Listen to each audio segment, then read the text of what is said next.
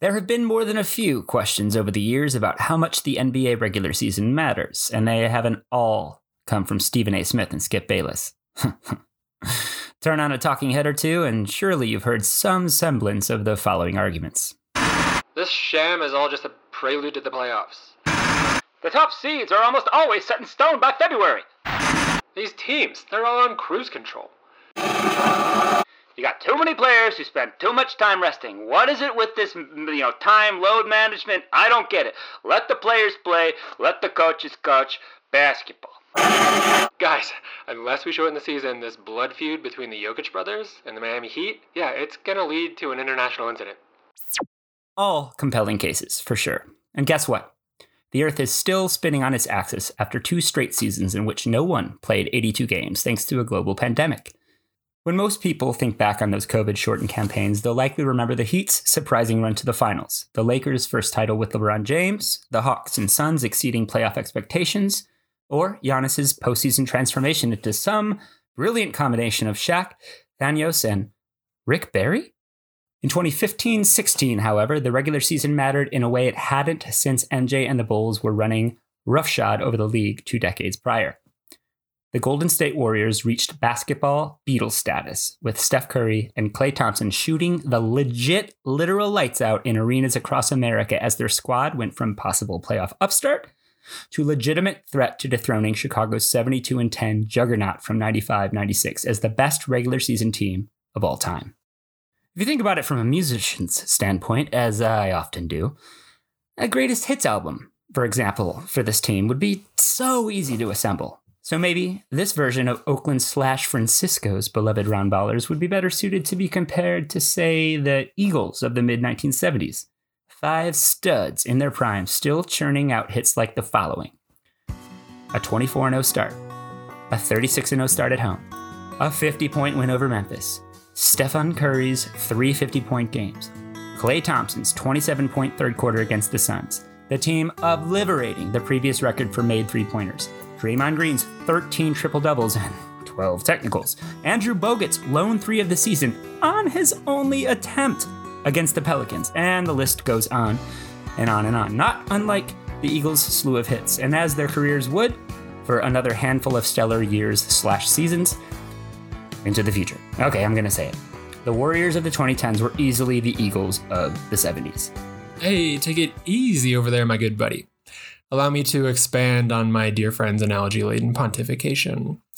Whether the record setting regular season magnificence caught up with them or Green just decided to take a swipe at the wrong superstar at the wrong time, the Warriors couldn't stick the landing. Curry was worn down and banged up by the end of the seven game NBA Finals loss to the Cleveland Cavaliers, and Thompson couldn't help bail him out. Now, the last time Thompson played a meaningful basketball game was also a finals heartbreaker, but that one doubled as a career changer too.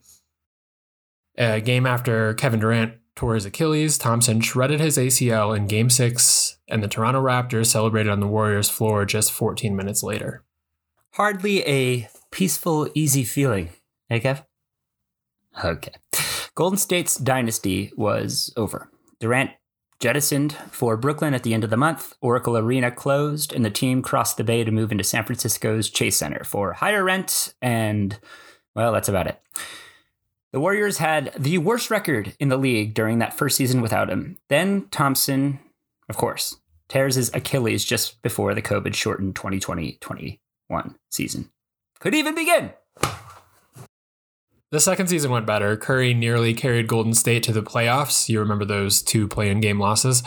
And the start of the third season post KD and Sans Klay has been a throwback to the dominance of that half decade of finals runs.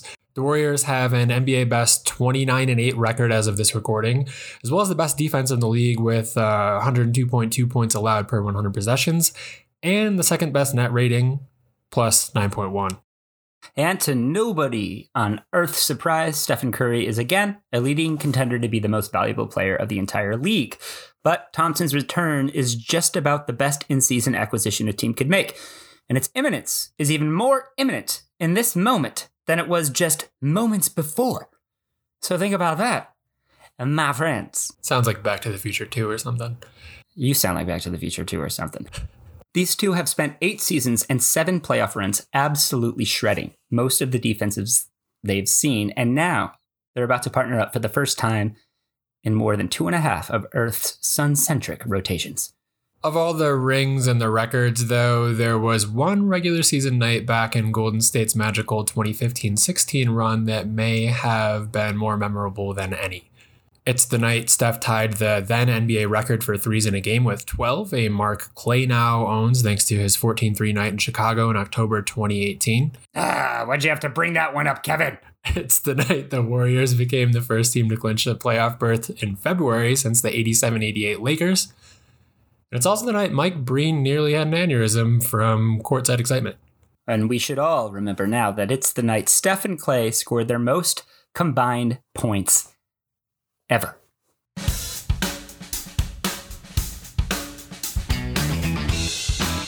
I'm Chris de Salvo. And I'm Kevin Chroust. Welcome to the Box Score Show, a podcast created by The Analyst.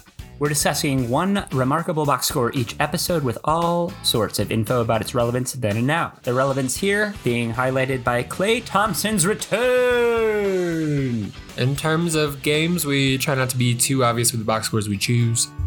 And in terms of stats, we won't get too advanced. We're not that smart.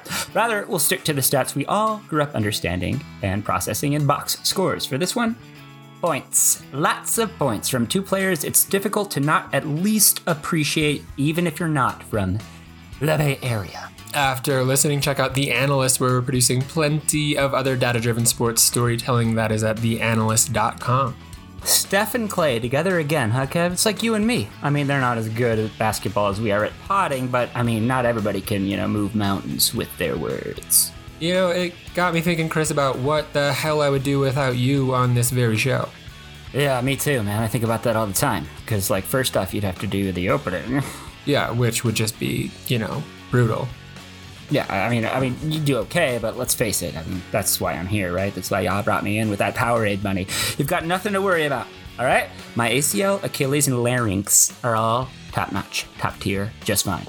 Yeah, be be careful with that larynx of yours. This is the. Just kidding! It's the Box Score Show, Season 2, Episode 4, 78, en route to 73. Stephen Curry and Klay Thompson had played in Oklahoma City a total of seven times heading into their matchup February 27th, 2016, and they had lost six of them.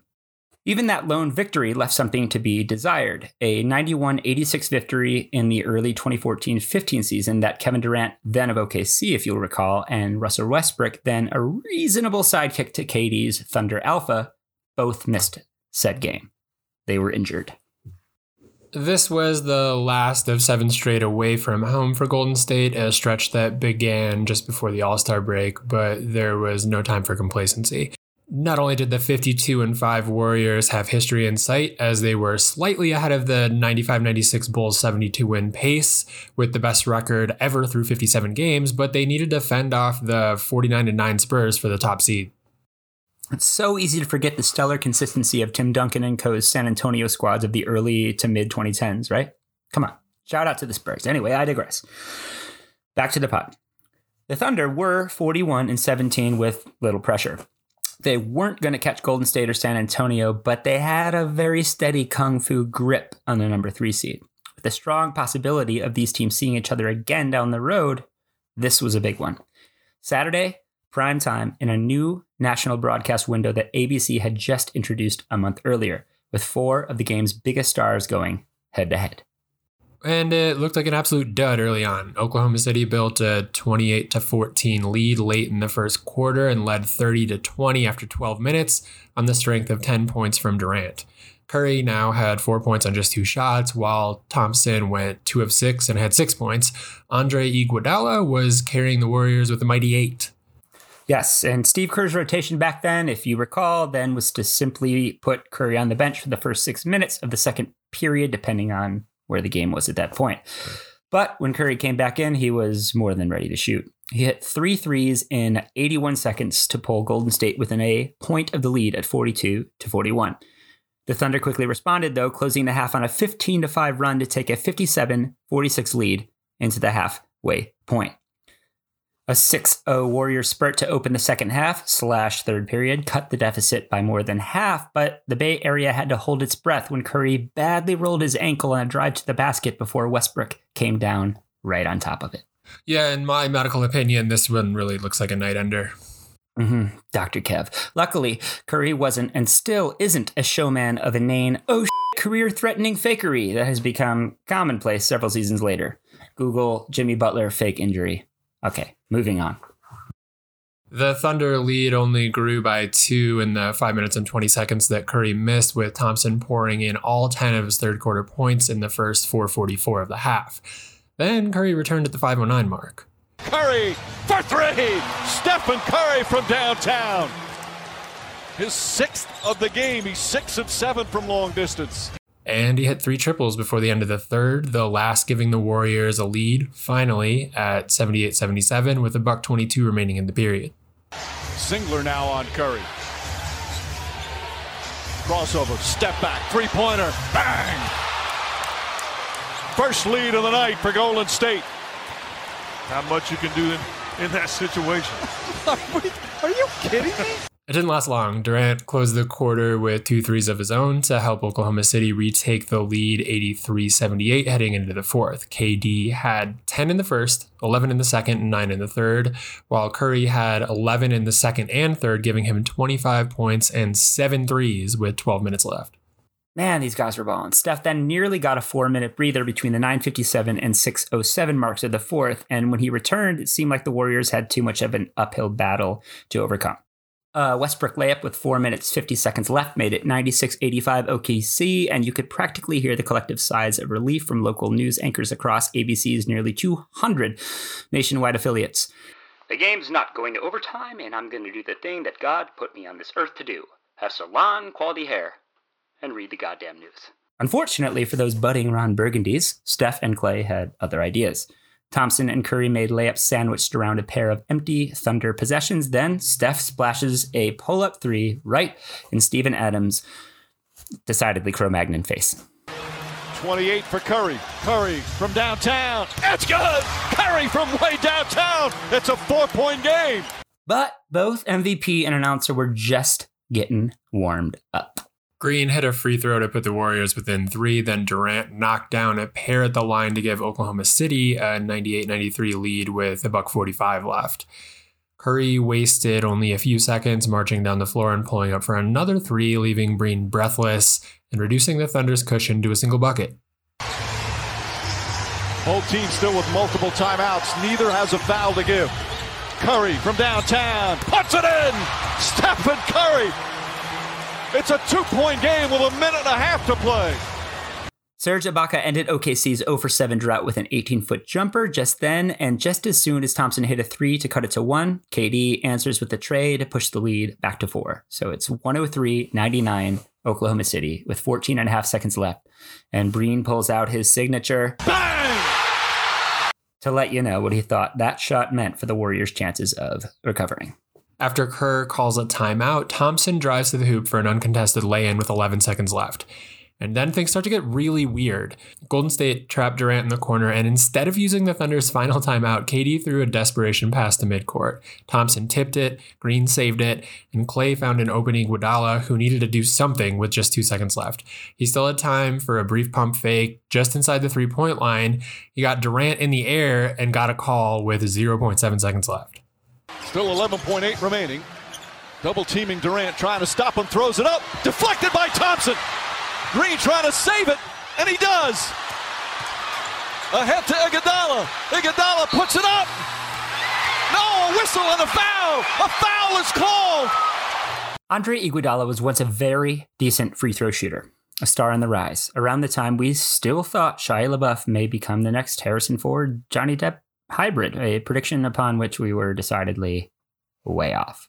Speaking of missing the mark, though Iguodala had made good on 82% of his 7.3 attempts per game at the stripe in his third year in the league with the 76ers back in 2006-07, by this point in his career, it was as aimless a story as the forgettable fourth installment of the Indiana Jones franchise. Is that the uh, the one with the crystal skull and the aliens and all that? The very same, Kevin. The very same, uh, starring a young uh, Shia LaBeouf. Anyway, digress. digress. Andre essentially had become slightly better than Shaq from the charity stripe. He came into this game just 46 of 75, good for just over 61% from the line for the season. And he hadn't been to the line that night and hadn't even stood there once in his previous two games.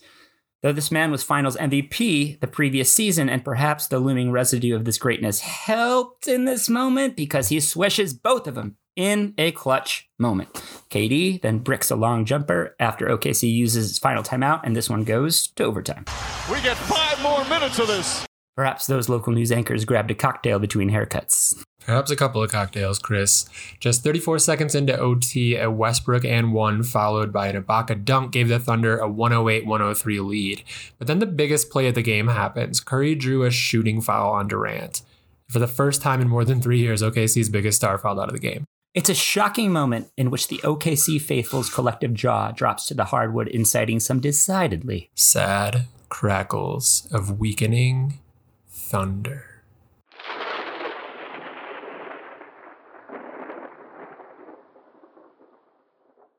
Curry splits the pair, then Green deflected a Westbrook pass on the ensuing possession, putting the ball in Thompson's hands again.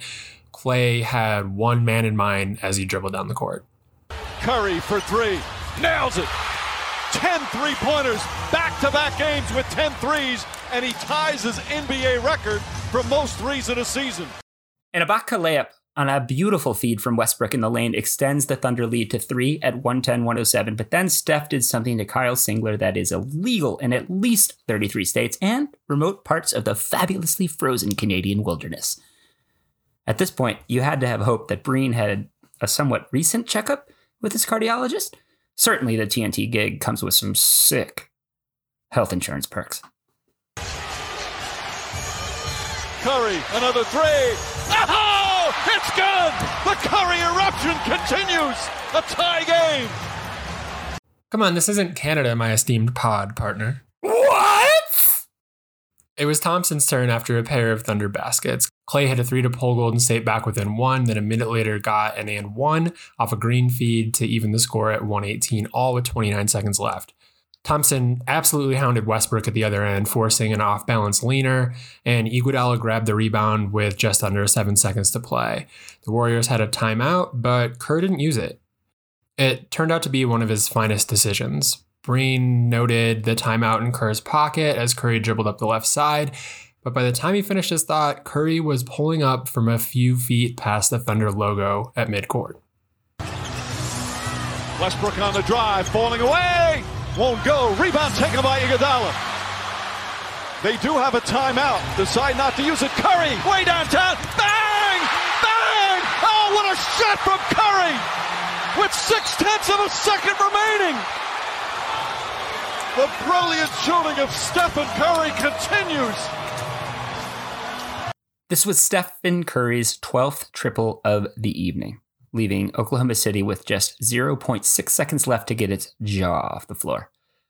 Jeff Van Gundy and Mark Jackson seemed to be at a loss for words. Nobody's complaining. And Breen was practically out of oxygen. Thankfully, our research team has informed me that the Turner Network does, in fact, provide a plush health insurance package for its broadcast squad. Those freaking angels. The Thunder were, finally, out of answers. Westbrook got a decent look at the buzzer, but it came up short, giving Golden State a stunning 121 118 overtime win, in which it led for just 29 short seconds late in the third period and a fraction of a second at the very end of this last extra session. And Golden State historic run continues with a signature win here in OKC. Now, on the show, we like to point out why these games we talk about made for interesting box scores, you know, to live up to the show's name and all. The box score show. Bingo. So Curry finished with 46 and Thompson had 32. Their combined 78 points still stand as three more than they've had in any other game together. They've combined for 75 three times and 73 twice. Now, as impressive as this game was for Steph, it's just one of 22 games with at least 10 threes made. Klay is second on that list with five. And the rest of the history of NBA basketball, yeah, they combined for 41. What? Okay, enough about three pointers though. So the Warriors won despite getting out rebounded by 30 rebounds. Yeah, 62 to 32, making them just the second team since the 93 94 season to win with a minus 30 margin or more on the glass. The other was also the Warriors, who beat the Spurs on January 6, 1994, after being out rebounded by, yeah, 35. Shame on you, Chris Webber, for that and only that. We cannot overlook Green amid the Splash Brothers' collective brilliance. Draymond missed all eight of his field goal attempts and finished with just two points, but he more than made up for it by grabbing 14 rebounds, dishing out 14 assists, stealing six basketballs, and blocking four more. A stat line that no one in NBA history has even come close to before or since. He also reportedly went on a halftime tirade in the locker room, ripping into his team for its play with the Warriors down 11 to their arch rivals. This is the opposite of what Scottie Pippen may have done. And it worked. Call it an unlikely win, number 53 on the way to 73. Call it whatever you want. It was one more than MJ's Bulls. Speaking of the Bulls, uh, Thunder coach and future Bull skipper Billy Donovan was asked after the loss if he'd ever been part of a game like this. Turns out the former Kentucky assistant had, and yeah, now we have to bring up Christian Laettner for a second straight podcast, which Chris is thrilled about. Yeah, it was that shot in that game. It was almost three months to the day that Donovan's heart would be broken once again, this time by Thompson. The Warriors and Thunder went on to meet in the Western Conference Finals that season, which Oklahoma City led three games to two, heading into a closeout opportunity at home in game six. Yeah, so back against the wall, Klay scores 19 of his 41 points, including five of his then playoff record 11 three pointers in the fourth quarter, helping the Warriors overcome an eight point deficit in the final period to force a game seven with a 108 101 win. Curry finished that one with 31 points, 10 rebounds, and 9 assists. Come on. Then the duo combined for 13 threes two nights later to send the defending champs back to the finals in what turned out to be Durant's last game in Oklahoma City. And he just walked all the way to Oakland.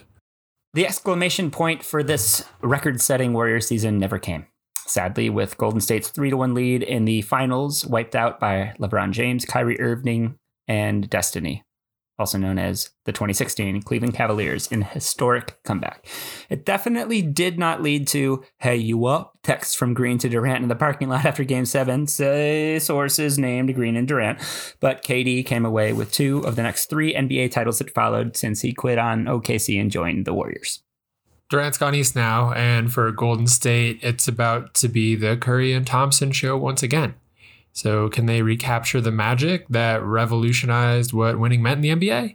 It'll be hard to bet against them. The Warriors still have the infrastructure and the supporting pieces for their two sharpshooting stars to carry the load and route to another title. Banners fly forever, and legends are written in June, not the middle of winter in flyover country. But one wild February night in Oklahoma City told the story of what Steph and Klay are capable of doing together better than any. That is it for the Box Score Show. This episode was written by the brilliant Brett Houston. If you like what you heard, read more of Brett's stuff on the site. Really good stuff. Show was produced as always by Graham Bell with research assistance from Stats Performs Mike Donovan. Kevin's not kidding about Brett Houston. He's literal genius. Thanks for listening. We'll be back, and until then, head over to theanalyst.com for plenty more data driven storytelling. Send suggestions for box score you'd like to hear about on the show or read about on the site to editors at theanalyst.com, and please let us know what Brett overlooked from this box score. That was Kevin Chroust, and I'm Chris de Salvo. This has been The Box Score Show, a production of The Analyst and Stats Perform. Come on, Chris, this is not Canada, my esteemed pod partner. What?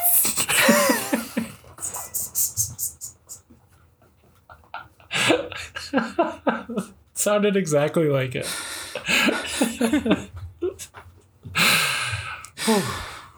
That's got to go in there.